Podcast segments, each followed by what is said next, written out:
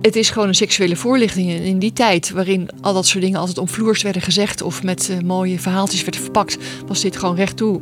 Dat betekent dat het aan de ene kant heel populair was onder mannen. Vooral de vrouwen uh, verzetten zich daar heel erg tegen en, en waren in die tijd ook echte dames die uh, echt op de barricade klommen.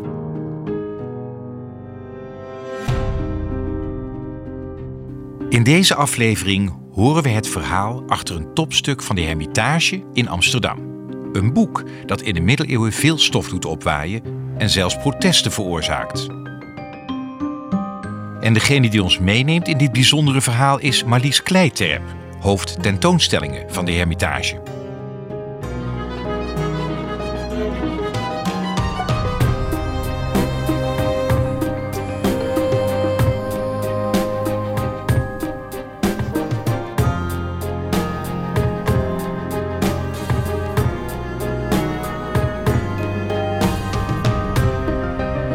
Je luistert naar Topstukken, de podcast over de mooiste kunst en cultuur van Nederland. Mijn naam is Albert Verlinde. In elke aflevering praat ik met een expert van een museum of een andere culturele instelling in Nederland en stel ik de vraag: wat is jouw persoonlijke topstuk? Als je aan de middeleeuwen denkt, dan zie je waarschijnlijk al snel bloedige veldslagen, moord en doodslag voor je. En natuurlijk ridders, dappere, eervolle mannen in harnassen. In de klassieke verhalen worden ze verliefd op een jonkvrouw, die vervolgens onbereikbaar is. Een hoofdse liefde wordt dat genoemd. Een groot romantisch verlangen naar een liefde die onbereikbaar is. Maar er blijkt ook nog een andere kant te zijn, zo leren we van Marlies. Eentje van lust en meer menselijke verlangens. Ik heb meegenomen de roman van de Roos, de Roman de la Rose.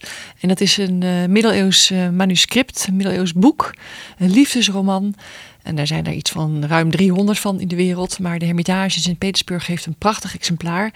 Het is een dikke pil, uh, bijna 180 bladzijden. Geschreven in het Frans, in het Oud-Frans. Het is uh, geschreven in de 13e eeuw. En middeleeuwen is natuurlijk een hele merkwaardige tijd. Hè? Er werd ja, monniken geschreven volgens mij. En dat was, dat, ja. komt dit ook uit, uit monnikenwereld? Ja, dit moet wel een monnikenwerk zijn geweest. Mm. in de letterlijke zin van het woord. In die tijd was er natuurlijk nog geen kopieermachine, geen uitgeverij. Dus uh, zo'n manuscript, hè, het originele exemplaar, werd gelezen. Het bleek later zelfs een bestseller te worden. En daarmee werd het heel vaak gekopieerd. En gekopieerd betekent letterlijk overgeschreven en mooi versierd, geïllumineerd. Met mooie plaatjes erin. En zo zijn er over de hele wereld vele verschenen. Maar er zijn ook wel weer vele verloren gegaan. Maar de Hermitage heeft een heel mooi exemplaar. Maar voordat mensen denken, nou, ze heeft een soort pocket meegenomen. Dat is hem dan, het, het uh, topstuk. Hoe, hoe, hoe, ziet jullie exemplaar van de roman van de Rooster uit? Ja, het, het is heel mooi uh, gebonden in leer. En uh, als je het boekje dan voorzichtig openslaat, het is heel dik en vrij klein. Dus je moet het echt heel voorzichtig doen, anders gaat het helemaal uit zijn verband. Ja, dan zie je een prachtig regelmatig handschrift en uh, hele mooie uh, gekleurde plaatjes. Want het is ook nog een ambacht op zich. Het uh, versieren, het illumineren van zo'n mooi manuscript. Maar het is dus een klein, relatief klein, klein, boek. Ja, ik heb hier in de Nederlandse vertaling en uitgave bij me. Maar het origineel is eigenlijk nog kleiner dan dit. Het is echt een heel klein, nou een forse bijbel zou je kunnen zeggen. Maar dat betekent dat de, de plaatjes en het, het schrift waarmee, dat moet ook allemaal ja, klein perkament en pieterpeuterig geschreven met een heel mooi regelmatig handschrift. En het aantrekkelijk, nogmaals, is de kleur. En als je bedenkt hoe oud het werk is, dan is het fantastisch dat het nog zo goed bewaard is gebleven. Het is echt een lust voor het oog. De Roman de la Rose is geschreven door twee schrijvers. De eerste 4000 regels zijn van Guillaume de Lory, een vrij onbekende Fransman. Dit eerste deel blijft maar liefst 40 jaar in een la liggen. Totdat Jean de Meun het manuscript vindt en besluit om eraan verder te schrijven. Uiteindelijk neemt deze Jean de Meun het grootste deel van het boek voor zijn rekening. Hij voegt er namelijk nog eens 18.000 regels aan toe. Het boek verschijnt voor het eerst in de 13e eeuw. In de tijd daarna wordt het talloze keren opnieuw uitgebracht. Zo is het exemplaar uit de collectie van de Hermitage uit de 15e eeuw, dus ongeveer twee eeuwen later. Het is in die tijd dus een grote bestseller, de originele Franse versie wordt zelfs vertaald naar verschillende andere talen. Elk exemplaar moet geïllustreerd worden. Dat gebeurt in die tijd met de hand, door ingehuurde tekenaars of monniken. Elk boek is dus anders. Niet qua tekst, misschien ook wel met een beetje variatie. Maar uh, ja, de, de, de, tekeningen die het hele boek illustreren zijn uh, per boek verschillend. En als het een beetje vlot geschreven was, dit is een dichtvorm wat vaak goed blijft hangen in je hoofd, dan werden die verhalen natuurlijk ook in mondelinge uh, vorm overgebracht en verteld op bepaalde gelegenheden. Maar zeker uh, werd zo'n boekje ook meegenomen op reis. En uh, het, het, werd echt een bestseller. Tot in de 16e eeuw werd het heel veel gelezen. Echt mannenliteratuur is het. Daar wil ik straks wel ja, mannenliteratuur. vertellen. Ja. Nou, vertel nu maar. Wat is ja, mannenliteratuur? Het is natuurlijk wel een beetje heel erg... we duwen het een beetje in een genderhoek. Nee. Het, het boek is eigenlijk in tweeën gedeeld. Het eerste deel ja, vertelt over een hoofdse liefde. in de middeleeuwen met toernooien die altijd werden gedaan om, om de liefde, om het hart van een vrouw te veroveren. Liever vaak een vrouw die onbereikbaar was. Maar mocht je nu denken dat dit een boek is met uitvoerige beschrijvingen van riddertoernooien? Nee, het is echt een allegorie op, uh, op uh, het vangen van de roos, het, het, het plukken van de roos letterlijk. Uh, dus het, gaat, het eerste deel gaat echt over een pelgrim die een droom heeft dat hij in een kasteel, in een tuin waar niemand in of uit kan, dat daar een roos bloeit. Natuurlijk een prachtige jonkvrouw die die wil veroveren. Maar dat hij wordt gehinderd om naar binnen te gaan, omdat de bescherm uh, vrouwen van deze witte roos, dat zijn de deugden en de ondeugden, hem niet toelaten. Dus hij kan alleen maar daarheen als hij vrij is van vrekkigheid, van haat, van hoon. Dus eigenlijk de ideale man is. En als hij dat dan blijkt te zijn, dan wordt hij uh, toegelaten door uh, de vrouwenledigheid, die hem dan wel stiekem de poort opent, waardoor hij naar binnen stapt. Maar dan nog wordt deze roos beschermd door allerlei deugden die, ja, waar hij geen toegang tot krijgt. Dus hij moet eerst allerlei ondeugden ook weer overwinnen. Jaloezie en noem maar op. En voordat hij uiteindelijk die roos kan plukken, nou ja, zijn we al 4000 uh, versregels maar verder. Dat is deel 1 is dus die hoofd, die tuin, die, die mooie roos, onbereikbaar. Maar dan allemaal... komt deel 2, dan, dan is de rooster. Ja, dan, is, dan, dan in deel 2 wordt beschreven hoe deze uh, man, deze jongeling, uh, die roos plukt. Maar wat er daarna gebeurt, dat is pas echt interessant. Want dan gaat het over hoe je je moet gedragen als vrouw. En hoe je je moet gedragen als man. En hoe je die vrouw het beste kunt belagen. En het beste kunt bezitten. En uh, wordt deze man uh, wordt helemaal ingewijd in de, de, de trucjes en, uh, die de vrouw zogenaamd zou bezitten om die man af te weren. maar uiteindelijk ook ingewijd in de lusten van de vrouw. Hoe je de vrouw het beste kunt nou, pleasen en bewerken. Om nou, te bewerkstelligen wat je graag wil. Het is gewoon een seksuele voorlichting. in die tijd, waarin al dat soort dingen altijd omvloers werden gezegd of met uh, mooie verhaaltjes werden verpakt, was dit gewoon recht toe. En uh, recht voor zijn raad. Want witte uh, roos is natuurlijk de maagdelijkheid. De witte roos is de maagdelijkheid. En de roos die deze man moest plukken was natuurlijk onbereikbaar. En het eerste deel is nog heel prachtig en heel omvloerst allemaal. En echt een allegorie het tweede deel uh, echt alles wordt beschreven en benoemd. En uh, dat betekent dat het aan de ene kant heel populair was uh, onder mannen. Vooral de vrouwen verzetten zich daar heel erg tegen. En, en waren in die tijd ook echte dames die echt op de barricade klommen.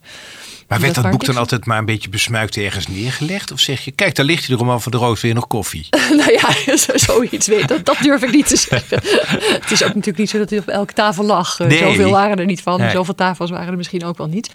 Maar moet ik, je zegt van, je neemt het mee op reis. Ja. En, uh, maar je vertelt het ook. Moet ik dan ook zien dat ridders of mensen die aan het reizen waren rond een kampvuur of bij een open haard dit door staat vertellen elkaar. Ja, er werd wel over gesproken, zeker. En uh, zeker op, de, op het moment dat er uh, ook tegengas kwam, met name onder de vrouwen.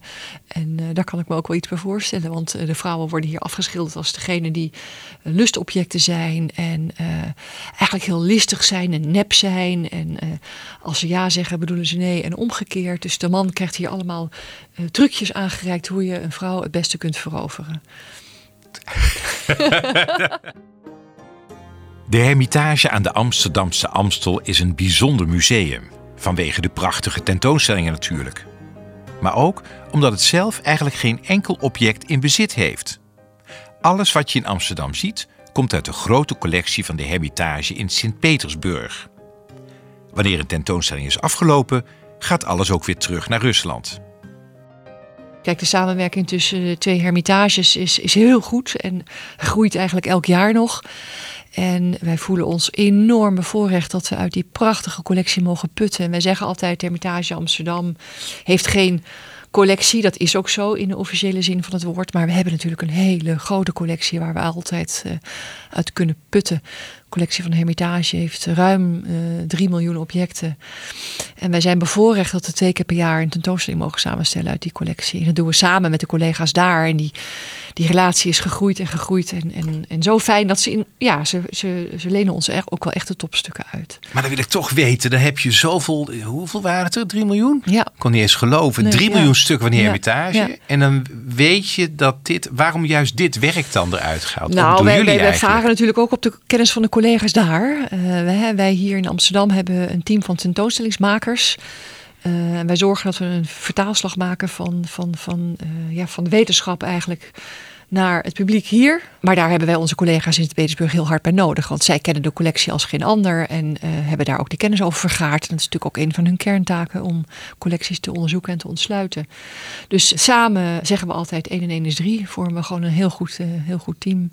Maar even voor hoe gaat dat? Ga je dan naar de Hermitage toe en ga je door gangen heen wandelen om te kijken wat er ja. allemaal is? Ja, dat klinkt heel romantisch en zo is het echt ook. Want zo gaat het inderdaad. We hebben van, van tevoren hebben we al voor een paar jaar lang eigenlijk onze tentoonstellingsonderwerpen vastgesteld. Maar het zijn niet meer dan werktitels.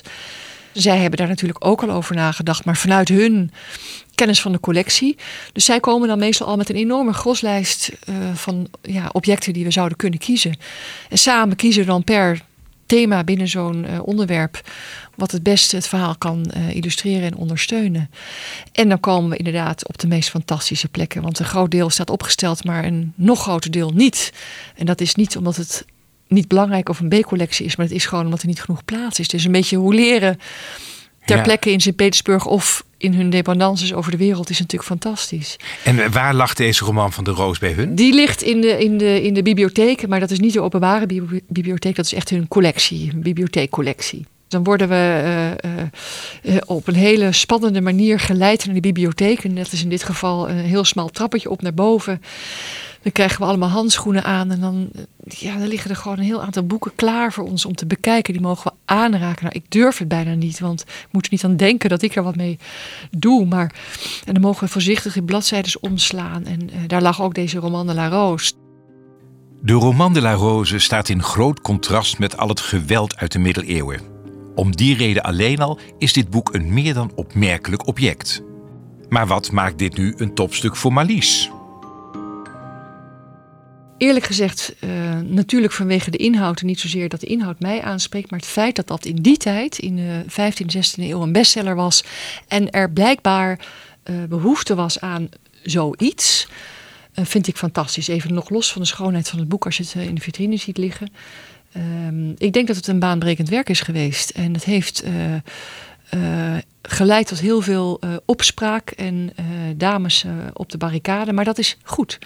Ik denk dat het goed is. Als er, het heeft stof in opwaaien en dat is goed. Dat heeft, betekent dat er een verandering heeft plaatsgevonden. Het is natuurlijk mooi. Heel veel stukken in de Hermitage zijn om naar te kijken. Hè, van de schoonheid te genieten. Maar dit is en mooi om te zien. Maar er zit ook nog een inhoud in die een, een dynamiek gekregen heeft. Enorme dynamiek. En voor die tijd heel belangrijk is geweest. In een tijd van hoofdse liefde en kuisheid heeft dit boek opvallend veel aandacht gekregen. Het is waarschijnlijk één van de meest gelezen boeken in de middeleeuwen. Seks zelfs, ook toen. Maar wordt het nu nog gelezen? Het wordt nog gelezen, want het is nog steeds te koop. En uh, ja, dus het is nog steeds in, in uh, hertalingen. Hè, tot een beetje toegankelijk Nederlands is dit bijvoorbeeld vertaald. Maar het werd um, uh, in de 14e eeuw al vertaald in het Nederlands. Hè, in in uh, wat toen de Nederlandse taal was. Dus uh, dat zegt ook al iets Het is over... al zeven eeuwen een bestseller. Nou, nee, dat bestsellergehalte hield wel op tegen de tijd dat... eigenlijk de renaissance begon en, en, en de aandacht ging naar de, nou ja, naar de oudheid. En, naar de Grieken en Romeinen. Ja, de Grieken en. Romeinen. Toen was het bestsellergehalte wel voorbij. Maar het feit dat het boek nog steeds in allerlei talen uh, te koop is, betekent dat het uh, kennelijk nog wel gelezen wordt en te lezen valt. En het is ook heel toegankelijk. Het is heel mooi vertaald eigenlijk. Kun je een stukje voorlezen? Ja, wil je een stukje uit het eerste deel? Nee, tweede, uit het tweede deel. Ja, uit het tweede deel? Dat deugdzame deel, dat geloof ik wel. Nou, ik zal eens kijken of ik een mooi stukje kan vinden. Um, Bij God, baronnen, ploeg, ploeg voort. Zorg voor opvolging naar het behoort. Verzorg uzelf uw akker niet, gewis dat geen gewas opschiet. Uw kleed moet voor steeds openhangen, als om de wind erin te vangen. Ga, zo u wilt, bloot door het bestaan. Trek slechts bij hitte of kou iets aan.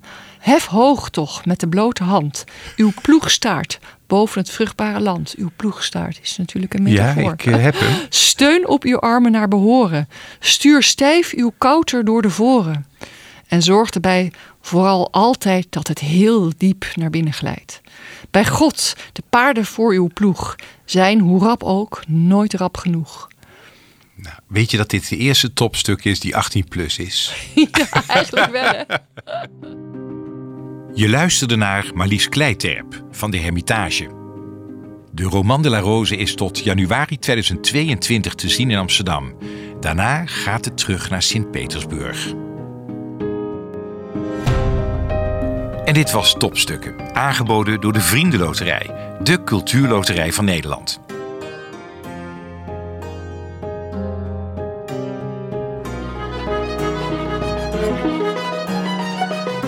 Mijn naam is Albert Verlinde, ambassadeur van de Vriendenloterij. Ik ben er trots op dat wij cultuur steunen in heel Nederland, dankzij onze deelnemers. En als je meespeelt in de Vriendenloterij, ontvang je een VIP-kaart waarmee je korting krijgt op de leukste uitjes en gratis ruim 125 musea kunt bezoeken. Dus ook de Hermitage in Amsterdam.